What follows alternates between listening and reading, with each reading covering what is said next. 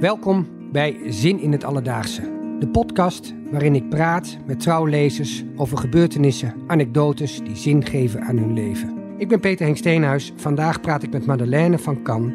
Zij is docent op een middelbare school en vindt zingeving door met jongeren te praten over de zin van het leven.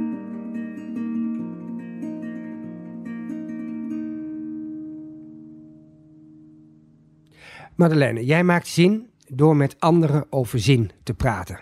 Dat klopt. Hoe gaat dat? Nou, dat gebeurt in mijn lessen op de middelbare school. Ehm, en dat doe ik eigenlijk met leerlingen door veel met ze te praten in klassenverband. Ehm, ja, ik, ik, weet het niet. Het is heel breed. Um, ja, je praat, maar het is jouw beroep om met hen te praten over over zingeving. Want jij bent docent filosofie. Ja, en levensbeschouwing. Ja. En betekent dat dan dat je heel breed alle filosofen behandelt? Of dat je met hen over actuele onderwerpen praat? Allebei. Dus we beginnen eigenlijk met de wereldgodsdiensten. Ja. Uh, en dan bespreken we ook ethische kwesties en het nieuws uh, en filosofie op een basisniveau. Want het gaat om de onderbouw.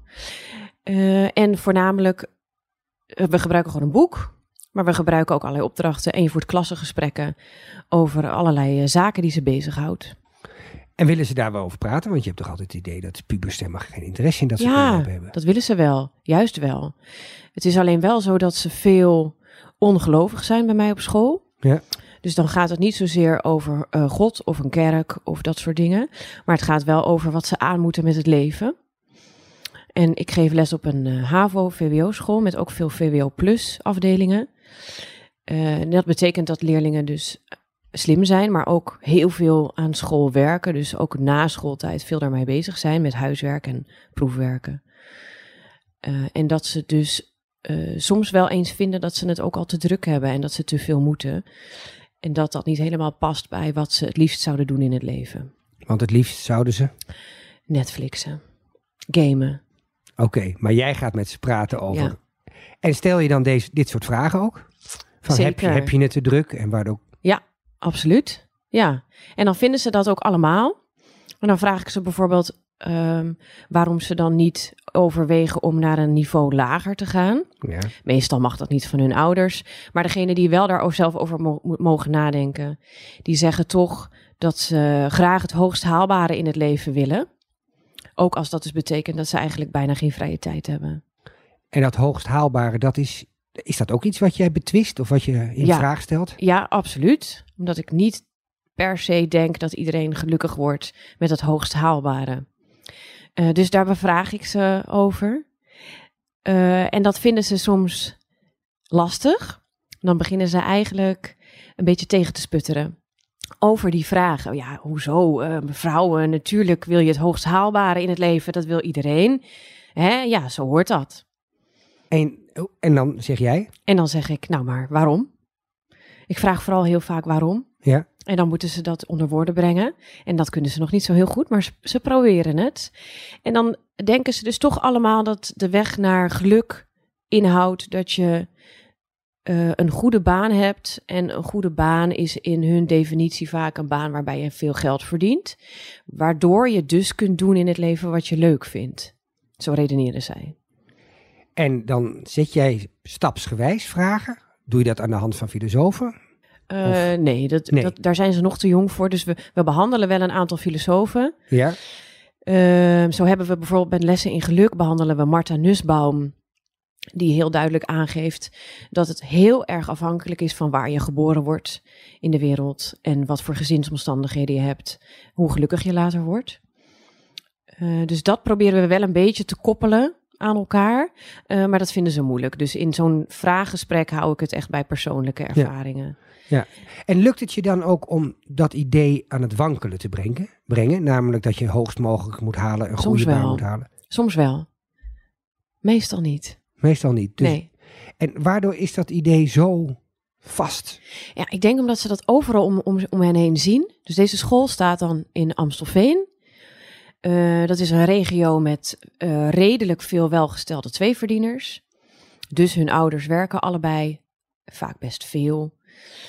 Uh, en de ouders van vriendjes en vriendinnetjes doen dat ook. Eh, en daarom zijn ze opgegroeid met het idee dat dat zo hoort in het leven. Ehm, en veel ouders zeggen ook wel tegen mij, bijvoorbeeld als mentor: Nou, mijn kind hoeft echt niet per se naar het VWO, maar ik wil wel dat het natuurlijk eh, zijn best doet. En als het het VWO kan, dan, dan doen we dat wel. En wat vind je van zo'n uitspraak? Die zou ja, ik dat, zelf dat ook kan ik doen. me ook wel voorstellen. Kan ik Ja. me ook wel voorstellen. Eh, maar als puntje bij paaltje komt, dus we zitten nu in eh, rapportvergaderingen en uitslagen daarvan. Dan blijkt toch dat sommige ouders het echt heel erg moeilijk vinden als hun kind het VWO niet haalt. Ja. Dus, eh, En wat vind jij daarvan, van zo'n prestatiemaatschappij? Want daar geef jij nu eigenlijk een voorbeeld van. ja. Eh, ik vind dat heel jammer. Ja, En ik denk zelf dat er meer in het leven is dan eh, presteren. Ja. Althans, op de manier waarop dat nu bij, eh, in het hoofd zit van deze leerlingen. wat is er meer? Ehm, wat is er meer in het leven, Ja. bedoel je? Ja. Behalve presteren? Ja. Ja, wat niet? Ja, ontzettend veel, toch? Maar noem er eens een paar. Ehm, Bij sport zijn we gericht op presteren. Bij muziek zijn we gericht op presteren. is dat zo? Ja, alleen bij topsport ben je gericht op presteren. En eh, misschien dat echt mensen die voor hun beroep muziek uitoefenen. Maar eh, ik sport en ik speel muziek, maar niet om het presteren. Nee. Dus om de lol, om Ja. de ervaring van dingen. Ja. Ehm, en ik probeer leerlingen een beetje te mee te geven dat je ook gewoon kunt zijn in het leven. Ja, en wat is dan zijn? Ehm, het leven ervaren zonder steeds op jacht te gaan naar prestaties. Ja, ja, oké. Ik zeg ook vaak tegen leerlingen, dat vinden ze heel gek, omdat ik een docent ben. Ik zeg, ja, er is meer in het leven dan school. Dus eh, ik geef ook toetsen. Daar moeten Mhm. ze voor leren, want ze moeten echt zeker wel een beetje kennis bezitten voor ze een mening kunnen hebben over eh, bijvoorbeeld mensen met een geloof. Eh, dus ze moeten kennis tot zich nemen, die moeten ze leren, moeten ze een toets over maken. Eh, maar wat mij betreft hoeven ze die, die toets niet te leren voor een tien. Voor een zes is ook goed, want je hebt nog andere vakken en je hebt meer in het leven dan school. En hoe kijken ze daar tegenaan? Dat een docent zegt, Ja, dat, dat vinden ze dus heel vreemd. mhm, Eh, maar natuurlijk ook wel relaxed. En de meesten maken zo'n toets voldoende. Dus dat lukt ook wel. Ja, toch even terug, hè? want jij zei net van bijna eh, van vanzelfsprekend van ik sport en ik muziek, ik maak Ja. muziek Ja. voor de lol. Ja. Ik zie toch bij heel veel ehm, jongeren ja, dat ook de sport in het teken staat van de selectie. En dat ook de muziek in het teken staat van het Klopt. conservatorium. klopt. We hebben ook best wel veel leerlingen die eh, op een hoog niveau sporten Mhm. naast school. Ik heb bijvoorbeeld een mentorleerling die eh, twee keer in de week 's ochtends al twee uur heeft gezwommen voor school begint om half negen. Ja. En je ziet aan die leerlingen dat ze dat niet echt helemaal kunnen bolwerken. Of dat het, het gaat altijd ten koste van iets. Dus het gaat of ten koste van energie, of een humeur, of vriendschappen. Ehm, en ze raken daarvan in de stress, Mhm. want het hoofd zit altijd vol. En ze moeten altijd iets. Eh, en eh, kinderen raken daar een beetje van uit balans. Mhm. Heb je veel kinderen die uit balans zijn? Meer dan vroeger? Nou, je, ehm, ja. Ja, ik zie wel. Nou, ik geef nu 12 jaar les. Dus ik kan nog niet eh, een heel leven vergelijken. Maar je ziet wel meer gespannenheid bij kinderen. En, je leest en- er ook veel meer over. Ja, en, dus, Ja. En, er is, en dat uitzicht, ja, bij de meeste mensen uitzicht dat natuurlijk in zagrijn en eh, negativiteit. Dus ze hebben wat dat betreft dan een korter lontje. En jij zegt, daar probeer ik met ze over te praten. Daar probeer ik Ja. met ze over na te denken. Is dat specifiek aan jouw vak? Eh, niet specifiek, maar het- mijn vak nodigt zich daar dat, dat natuurlijk wel heel goed uit, omdat het gaat over eh, hoe ga je om met het leven. Ja. En wat vind je belangrijk in het leven? Dus daar praten we over. En dan Ja. komen we natuurlijk al heel snel op hetgeen waar ze zich het meest mee bezighouden nu, en dat is school. Ja. Eh, maar ik weet van collega's dat zij het ook wel bespreken. En dan eh, leent dat zich voornamelijk bijvoorbeeld voor, eh, voor mentorlessen. Want een mentor kent zijn leerlingen natuurlijk ook wat beter dan eh, een, een vakdocent. En waarom is dat specifiek voor jou ook zingevend? Omdat ik hoop om leerlingen daar dus uiteindelijk toch wat gelukkiger mee te maken. Dus ik, ik laat ze bijvoorbeeld ook. ehm, ik leg ze allerlei soorten wetenschappelijk onderzoek uit. eh, onderzoek wat gedaan is naar waar mensen dus wel en niet gelukkig van worden. Ehm, en voor mijn leerlingen is dat geld dus enorm belangrijk. Dus ik besteed ook echt hele lessen aan onderzoek wat laat zien dat er echt een maximum is aan geld en dat een stijging in geld daarna niet een stijging in geluk brengt. Dus ik laat ze dat echt zien met uh, schema's en grafieken. Uh, en ik probeer het dus voor ze te relativeren. En ik zeg ook wel eens tegen ze, nou, dus als je later groot bent en je vindt dan dat het leven niet helemaal is zoals je gehoopt had, denk dan nog eens terug aan deze lessen. En probeer dan dus te zoeken naar waar je misschien um, iets in kan veranderen. En ik bespreek bijvoorbeeld dus ook de, de onderzoeken naar meditatie, naar rust, naar mindfulness. Uh, en dan zie je ze, toch, ze, ze luisteren daar echt altijd aandachtig naar. Want ze roepen dus wel heel hard, uh, sommigen roepen heel hard, ik wil later vooral veel geld verdienen. Uh, maar als ik hierover ga praten, dan hoef ik echt geen orde te houden. Dan, dan zitten ze allemaal mee te kijken naar die grafieken. En dan vraag ik ze bijvoorbeeld, wat is het nadeel aan heel veel geld? Nou, dan komt een klas ook heus wel zo op tien grote nadelen van heel veel geld. Um, en dan geef ik vaak een opdracht, dus dan is het even rumoeriger. En dan zijn ze daar met z'n allen echt over aan het praten. Dan zijn ze niet aan het praten over de nieuwste game. Maar dan, dus ik, ik, uh, dat geeft mij op die manier zin, omdat ik zie dat het wel bij ze aankomt. En ik natuurlijk hoop iets bij te dragen in hun levensgeluk. Je vertelt over, per, uh, over werkdruk. Heeft dat ook te maken met iets als perfectionisme wat je op ziet komen? Ja, zeker. Uh, dat uitzicht bijvoorbeeld in anorexia. Wij zien echt een toename van voornamelijk meisjes met anorexia. En wij hebben een zorgteam op school. Uh, dat extra zorg biedt aan allerlei leerlingen die dat nodig hebben. Maar die bieden dat dus ook voor anorexia. En dat zorgteam is de docenten echt gaan waarschuwen om nog beter op signalen van perfectionisme te letten. Omdat anorexia zich meestal dan uit zo in het begin van de brugklas of de tweede klas. En uh, dat komt doordat deze kinderen een uh, aangeboren neiging hebben tot perfectionisme, maar dat wordt ook echt gevoed door de omgeving en door de samenleving van nu. Uh, waarin zij het idee hebben dat ze alleen maar een goed mens zijn als ze alles perfect doen. Ja. En dat kan natuurlijk niet. Dus zoeken ze ergens controle over. Uh, en dat uit zich in keihard werk hoor. Dit zijn vaak ook meisjes die echt rapporten hebben van alleen maar achters, negens en tieners. En dan hebben we het over gymnasium en technasium. Ja. Dus dat zijn uitzonderlijke prestaties. Uh, maar die kinderen gaan daar letterlijk aan onderdoor. Ja. En jij zei net, hè, je stimuleert ze wel eens een klein beetje om een zes te halen. Ja. Um, dat werkt relativerend, maar Ja. het, het is bijna een boodschap om niet te hard te werken. Ja, dat klopt. Omdat het in dit geval bij deze kinderen le- levensbedreigend is. Precies. En uh, die hebben natuurlijk niet genoeg aan hun uh, levensbeschouwingdocent. Uh, die moeten ook echt een psycholoog traject in. Maar uh, ik probeer dat het gesprek wel met ze te blijven voeren. In, met het idee van, nou, als ze van allerlei verschillende kanten te horen krijgen. dat het, dat het niet haalbaar is om alles perfect te doen in het leven. Dat dat oké okay is. Dat dat misschien nog meer werkt dan dat alleen de ouders of de psycholoog dat zeggen. Ja. Ja, het gaat me niet alleen om die anorexia-patiënt, maar überhaupt over, om een maatschappij waarin dit naar voren komt. Ja.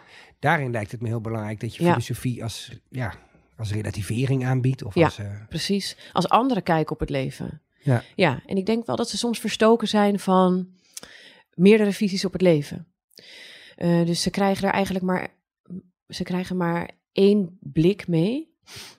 En dat is voornamelijk die van hard werken, hard presteren. En dus inderdaad ook in het sport uitblinken.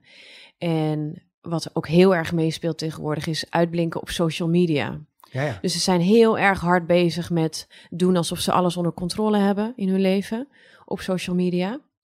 Zo hebben wij nu bij uh, Denken en Doen, dat is het filosofievak wat ik geef, hebben wij een nieuwe opdracht gemaakt waarbij ze moeten nadenken over social media. En dan moeten ze uh, in hun opdrachtenboek een foto plakken van hun eigen social media kanalen die ze hebben bewerkt. En dan moeten ze uitleggen wat ze hebben bewerkt aan de foto en waarom.